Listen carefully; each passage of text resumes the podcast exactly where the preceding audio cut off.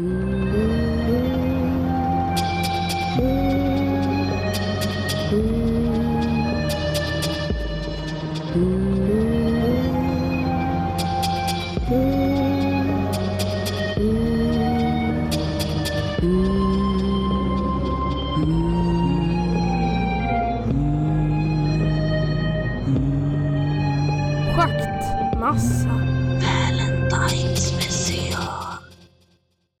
Ebbe och Sally.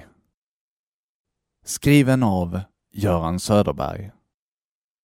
Inläst av Marcus Tuvesson. Jack Strax satt i sin studio och plinkade på sin gitarr. Jack Strax hette egentligen Ebbe Bengtsson. Med en hitskiva i ryggen var han en stigande stjärna på pophimlen. Eller så stod han just nu så högt som han någonsin skulle stå. Allt skulle bestämmas av den viktiga andra LPn. Jack slog ett ackord på sin gitarr. Brinna eller dö, sjöng han hest. Det lät en smula falskt. Han var väl egentligen ingen musiker. Han kunde grundackorden C, G och A-moll. F var ett barré-ackord som gjorde ont i fingrarna så det hoppade han helst över. För att ta ut låtar räckte det fint med tre och ett halvt ackord.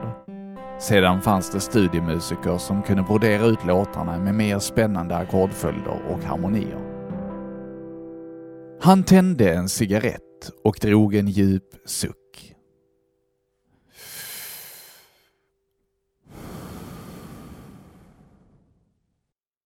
Han tog en klunk ur kolaburken. Den hade varit öppen någon timme och kolsyran var på utdöende. Det hade gått bra för Ebbe. De senaste två åren hade varit fulla med rock'n'roll, party och brudar. Ebbe hade njutit till en början. Men när festandet blev till vardag hade han tröttnat och dragit sig tillbaka till sin studio för att skapa låtar till sin andra LP. Det var väl ingenting han egentligen behövde syssla med. Låtskrivarna stod på rad. Redan nu hade han fått in tillräckligt med demoinspelningar för att fylla två skivor. Det hade nog mer med ego att göra. Ebbe ville se sitt namn bland låtskrivarna. Det fick honom att känna sig seriös och inte som någon förljugen plastprodukt. Han slog en serie ackord på gitarren. Ackorden lyckades dock inte att snärja några melodier. Hur han än försökte så snurrade allt bara runt och inga hitlåtar ville infinna sig. Tänk vad jävla häftigt om han själv skulle skriva skivans första hit. Som låtskrivare hette han alltid E. Bengtsson, inte J. Strax. På den föregående skivan hade hans två låtar hamnat som nummer tre på A-sidan och fyra på B-sidan. Typiskt fyllnadsmaterial. De var nog, ärligt talat, inte särskilt bra. Han hostade och tittade ner på sitt överfulla askfat. Det skulle nog inte skada med en nypa frisk luft. Ebbe stegade ut från källarlokalen och ut på Roslagsgatan. Han stegade fram till busshållplatsen och tog 67an ut till Djurgården. Han klev av på Strandvägen och gick över Djurgårdsbron. Det var tidig maj. Solen hade vågat sig högt upp på himlen. Ebbe svängde tämligen omedelbart av till höger och fortsatte ut med promenadstigarna längs med Djurgårdsbrunnsviken. Han blickade över vattnet mot småbåtshamnen vid diplomatstaden. Ebbe funderade på att köpa sig en snabb båt. Inte för att han hade en aning om hur man manövrerade en snabb båt. Han tyckte mest att det verkade häftigt att fara fram längs Stockholms vattenvägar i alldeles för hög fart och fräsa upp en kaskad av skum. Han fortsatte förbi Sirishav. Hans plan var att ha en kaffe på Rosendals trädgårdscafé. Sedan skulle han vända hemåt igen. Han slog in på Debesches väg. Han visste att han nu snart skulle komma förbi Vedderska villan. Vedderska villan var en gammal anrik jättevilla av den typ man inte byggde längre. Den användes nu som mentalsjukhus. Hmm, tänkte Ebbe. Galningarna har det bra. Sjöutsikt och allt. Han blickade upp bland de lummiga träden som dolde en storslagen trädgård med både fontäner och grandiosa marmorstatyer. Det stod en flicka lutad mot metallstaketet och tittade på honom. Han skakade av sig den obehagliga känslan. Villan doldes återigen av lövverket. Men när grönskan lättade drogs Ebbes blick åter upp mot metallstaketet. Flickan stod kvar och tittade på honom. Hon var vacker och knappt äldre än 20 år. Ebbe hade hunnit fylla 28. Han stannade och tittade tillbaka. De stod bara och såg på varandra. Sedan kämpade sig Ebbe resolut fram genom buskaget av vårrusig sly. Hej, sa flickan. Hej, sa Ebbe. Jag känner igen dig. Ja, du är kändis va? Jo, sa Ebbe. Det är jag väl? Du är Jack Strax. Ebbe skruvade på sig. Jo, visst var han det. Va, va, vad heter du egentligen? frågade flickan. Ebbe, sa Ebbe. Ebbe Bengtsson. Det namnet var ju ännu coolare, log hon. skrattade Ebbe. Sedan flög en orolig skugga över hans blick. Jag är inte farlig. Nej, det trodde jag inte heller. De farliga galningarna sitter fast bakom taggtrådsstängsel. Det känns tryggt, log Ebbe. Han tittade på henne på nära håll. Hennes fräkniga bleka hy lyste i bjärt kontrast mot det korpsvarta håret. De blå ögonen lyste som fyrar över mörka vatten. Hennes drag var rena och klassiska. Ebbe insåg att hon var nästan overkligt vacker. Han blev med ens nervös. Vad heter du? frågade han. Jag heter Sally. Jaha, fint, la han till. Tack, skrattade hon. Har du lyssnat på min skiva? Ja, den är bra. Hon såg sig omkring. Fast lite enkel, la hon till. Enkel? frågade han. Ja, du borde verkligen lära dig fler ackord än tre. Ebbe hamnade i försvarsställning. Det är fler ackord än tre, fräste han. När det var dags för slutmix kallade man alltid in Rogge. Rogge var skolad musiker och lade till en mer komplicerad klangbild med hjälp av gitarrer och syntar. Fast du sjunger bara på tre, sa flickan lugnt. Ebbe log osäkert. Tydligen hade han att göra med någon slags övermusikalisk galenpanna. Kanske det, sa han till slut. Han var inte van vid att människor sa honom sanningen. C, G och A-moll och ibland ett F. Spelar du musik? undrade Ebbe. Jag spelar lite stämgaffel och sjunger, log flickan. Haha, Ebbe skrattade ofrivilligt till. Stämgaffel är inte ett instrument. Ebbe tyckte att skämtet var jätteroligt och blev besviken när han insåg att flickan såg allvarlig ut och inte hade skämtat. Allt är ett instrument om man bara vet hur man spelar. Sjung lite, sa Ebbe. Ebbe hade väntat sig att flickan skulle protestera, men hon började genast sjunga med behaglig volym. Ebbe stod som fastfrusen i marken. Han seglade över glittrande hav och flög viktlös över savanner och stäppland. Han visste inte längre om hans fötter hade kontakt med marken eller om han svävade upp och ner utanför sin egen kropp. Flickan sjöng inte länge, kanske bara någon minut. Sedan slutade hon och slog ner blicken i marken. Sedan stod de tysta, länge. Wow, sa Ebbe till slut. Vad var det där?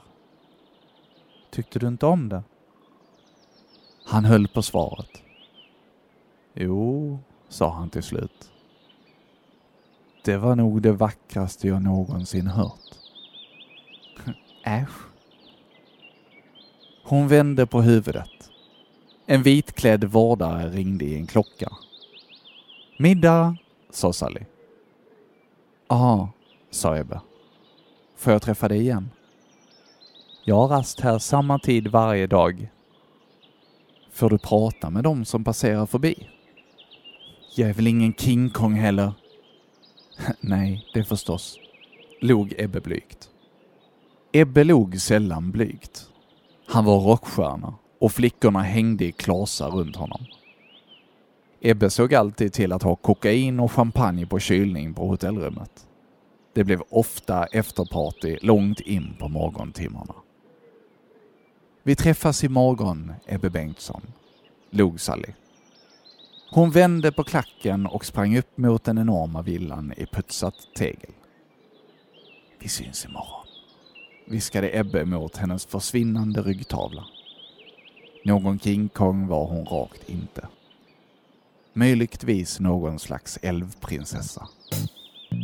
Det blev så att Ebbe varje dag gick för att prata med Sally. De pratade om stort och om smått. Om högt och om lågt. Om vått och om torrt. Ebbe förstod ganska snart att han älskade henne. Ebbe var van vid att flörta och hans turer i rocksvängen hade bjudit på damer i mängder. Men Sally var annorlunda. Hon var som vatten mellan hans fingrar. Hon rann undan och var plötsligt någon helt annanstans. Rätt som det var tappade hennes blick allt fokus och hon spände upp armarna som flygplansvingar och sprang i stora cirklar runt på gräsmattan. Dårfink, stönade Ebbe.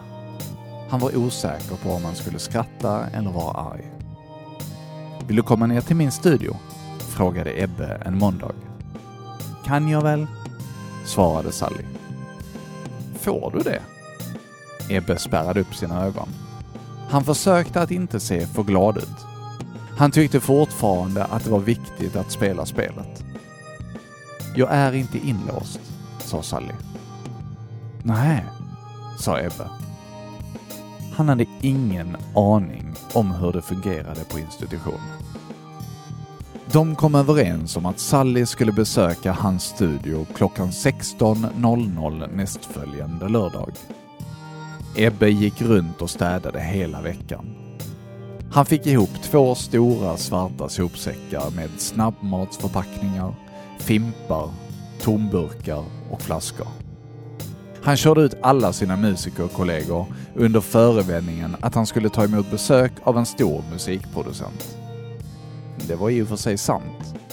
Även om Sally inte skrev musik med hjälp av datorer eller rullbandspelare.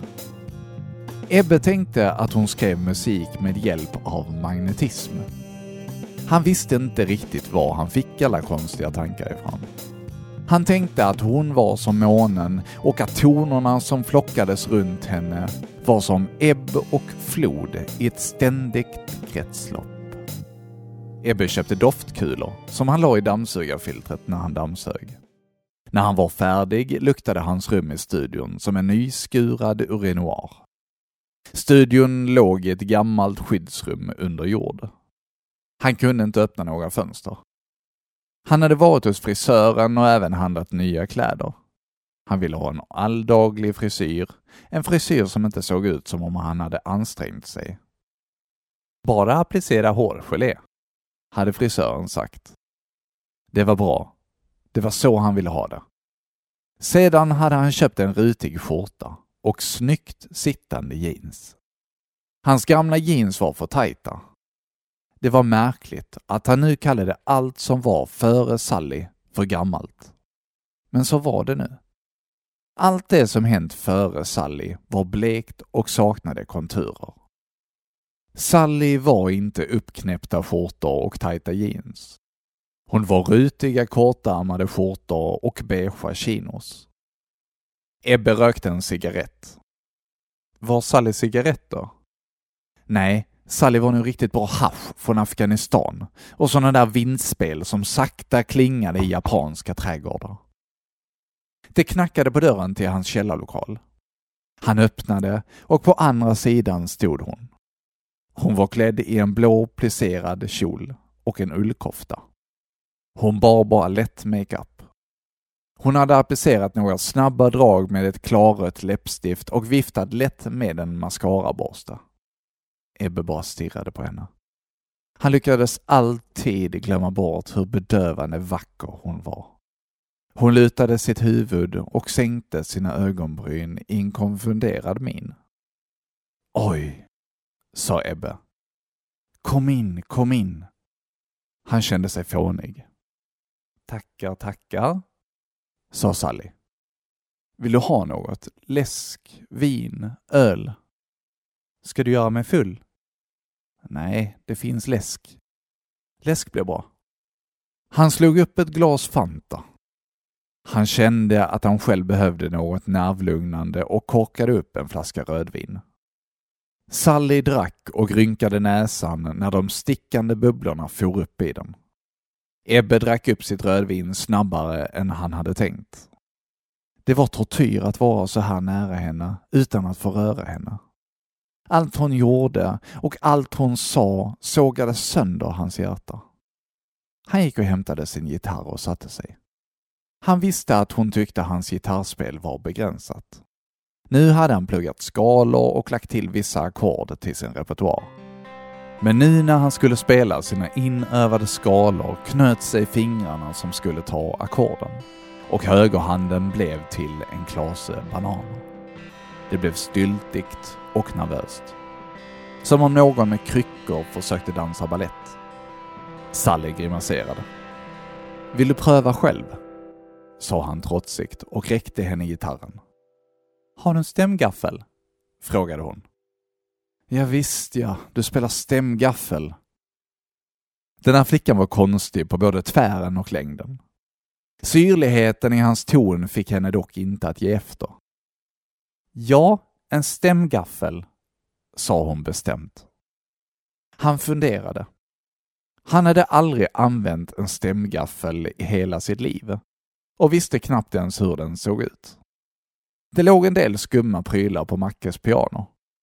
Han la ifrån sig gitarren i soffan och gick ut i studions huvudrum. Där stod ett Steinway-piano. Det låg en hel massa skräp ovanpå pianot. Macke hade pluggat musikteori och stilade med metronomer och stämgafflar. Det var som fan, log Ebbe, när hans ögon landade på den tvåtandade metallgaffeln. Han plockade upp gaffeln och slog den lätt mot pianots lock. Träet var för stumt för att framkalla någon klar ton.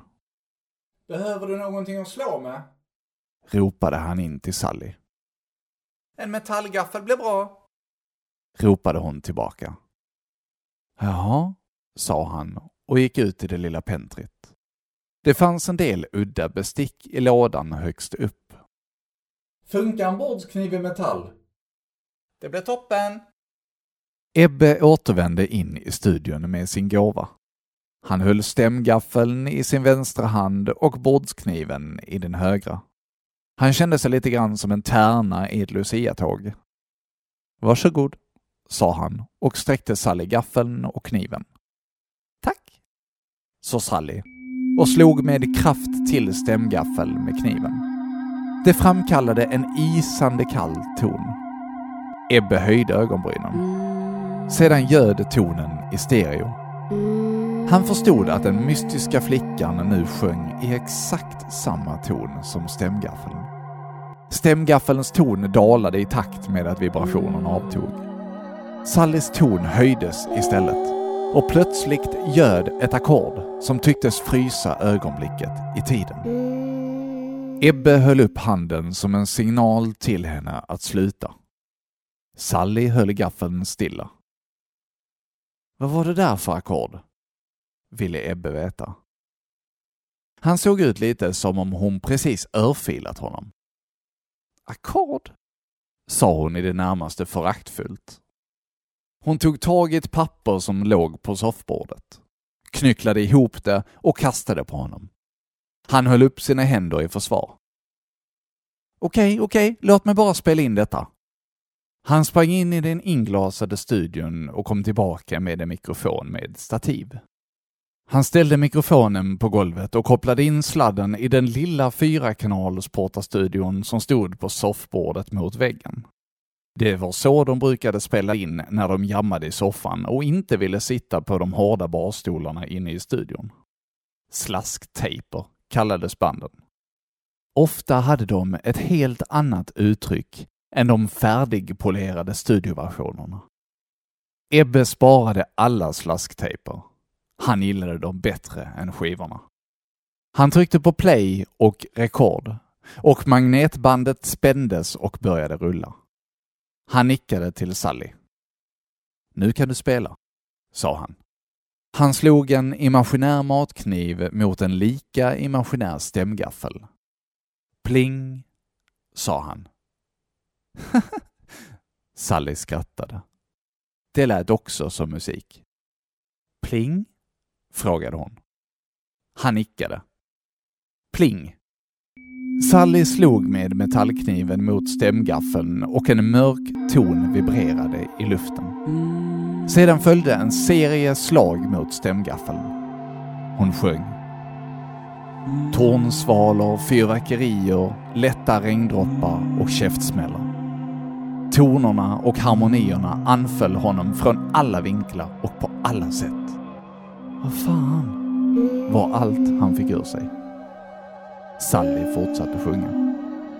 Sally höll på tills kassetten var slut. Det var ett C60-band. Så 30 minuter blev inspelningen. Hon tittade på honom och skrattade. Han såg bra fånig ut där han satt med öppen mun och stirrande ögon. Hon gick förbi honom och tryckte en lätt puss på hans panna. Han rörde inte en min. Hälsa på snart, sa Sally. Ebbe svarade inte. Ebbe bara satt och stirrade en bra bit in på småtimmarna. Sedan tog han upp sin gitarr och slog ett c-moll-ackord. Det lät mekaniskt och platt. Han spolade kassettbandet hela vägen till början och satte på den. Plötsligt gick han in i en sommarträdgård efter regnet. Han simmade i väldiga vattenmassor bland delfiner och fiskar i regnbågens alla färger. Han anföll en kinesisk postering som general i Kublai Khans armé. Tusentals hästar dundrade fram över steppen. Han satt så hela natten. Efter ett tag visste han inte så noga om han sov eller var vaken. Han vaknade på eftermiddagen nästa dag. Några av de mystiska harmonierna och ackordföljderna satt kvar i hans huvud. Han plockade upp sin gitarr och försökte fånga dem. Han insåg direkt att uppgiften var honom övermäktig. Han funderade på om han kände någon som kunde överföra de märkliga tonerna på kassetten till fungerande ackord och toner. Han kom att tänka på Rogge. Rogge la gitarr och syntar på slutproduktionen. Han var musikaliskt skolad och brukade brodera ut de väldigt enkla demoinspelningarna med mer avancerade ackord. Han visste att Rogges nummer fanns i ett kartotek inne på kontoret. Han lufsade in på kontoret, satte sig på den rackliga kontorstolen, bläddrade fram Rogges telefonnummer och lyfte telefonluren. Sedan blev han sittande med luren i örat utan att slå numret. Tänk om Rogge bara snodde musiken. Ebbe satt på en musikalisk sensation. Skulle han verkligen dela sin upptäckt med någon annan? Skulle han ge Rogge nyckeln till den största musikaliska skattkammaren på århundraden. Så fan heller. Han slog ner luren igen, med argsint klingande. Sedan satt han där, rockstjärnan och flickmagneten Jack Strax. Han spelade bandet fram och tillbaka och plinkade på sin gitarr. Ibland när han var ensam gick han ut i foajén och plinkade på pianot. Frågade någon vad han höll på med hälsade han att han fått inspiration och jobbade med nya skivan. Folk lät det vara bra så och lät honom vara. Det välfriserade håret växte ut till halv meter längd och ett spretigt buskigt skägg växte ut på hans haka och letade sig ner mot hans mage. Ebbe sov på soffan. Han besökte sin lägenhet någon gång i veckan för att tvätta. Han åt utemat och hittade snart ett stall med restauranger i närheten som levererade maten direkt till studion. Han åt mycket konserver och brydde sig sällan om att lägga upp maten på en tallrik. Eller ens värma den. Han var en jägare. Som de första människorna på savannen. Hans jakt var ursprunglig. Han jagade dock inte föda, utan toner och harmonier. Han smög i buskar och bakom träd. De toner han fångade skrev han snabbt ner på papper. Snart nog hade han fyllt otaliga kollegieblock med anteckningar som bara kunde beskrivas som någon slags vansinnig dagbok över en själ i sönderfall. Ibland fångade han en ton eller till och med ett ackord. Han tog ut det på piano och gitarr. Han läste tjocka böcker från stadsbiblioteket om tonlära. Men hur mycket han än studerade flydde musiken ifrån honom.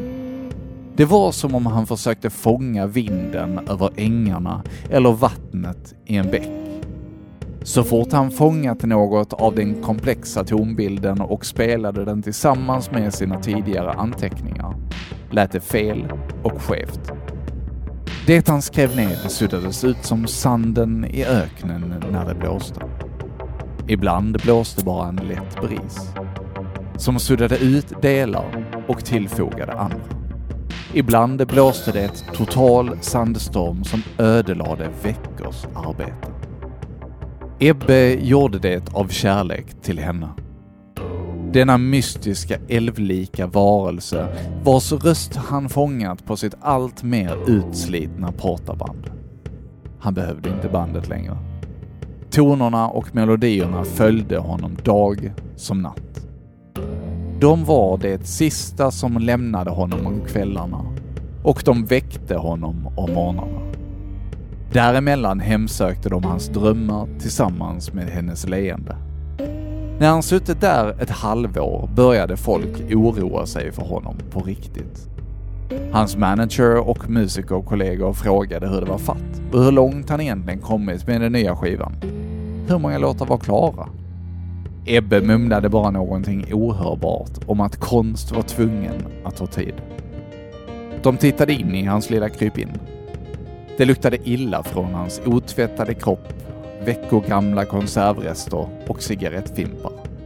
Överallt låg skräp blandat med gamla biblioteksböcker om musikteori. En fredag i oktober togs han till sjukhuset. Han hade då inte lämnat sitt lilla studierum på en vecka. Man fann honom på golvet.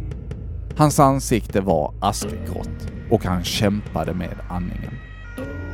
I ambulansen hade han börjat kräkas. Men vad fan, sa ambulanssjukvårdaren när någon slags lång, platt, maskliknande remsa började uppträda i Ebbes mungipor. Ha, har han inälvsmask? Han drog på sig plasthandskar och tog ett stadigt tag och drog i den osmakliga parasiten. Masken höll ihop förvånansvärt bra, oavsett hur mycket han drog i den.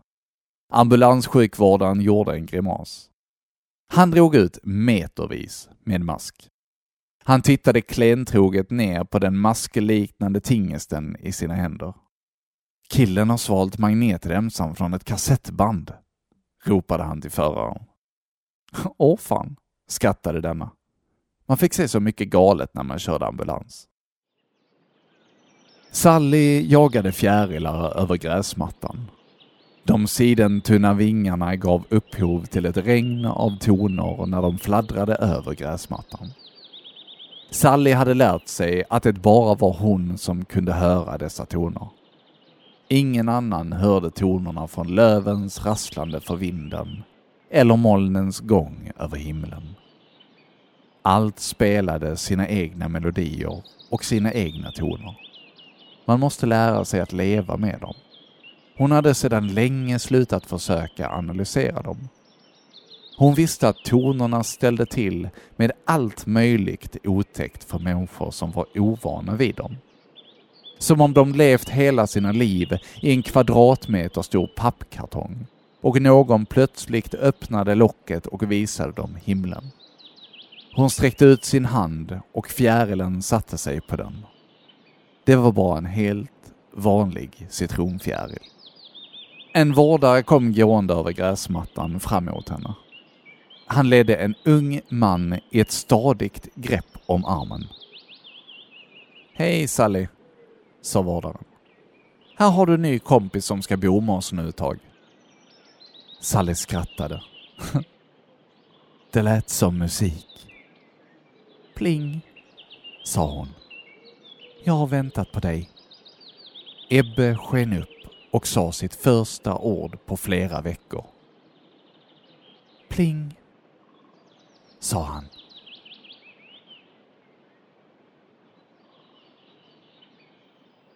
Ni hörde Ebbe och Sally i uppläsning av Marcus Tuvesson.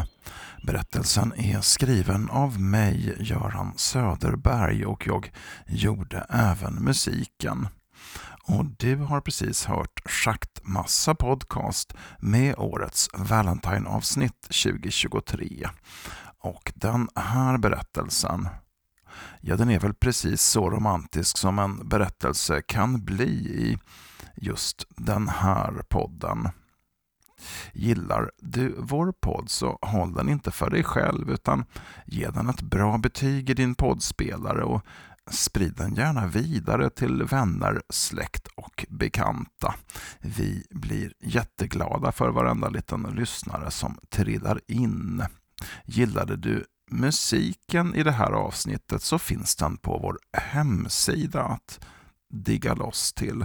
Både den lite muntrare orgelmelodin och den mörkare kompositionen. På hemsidan hittar du också alltid originaltexterna till historierna vi läser upp.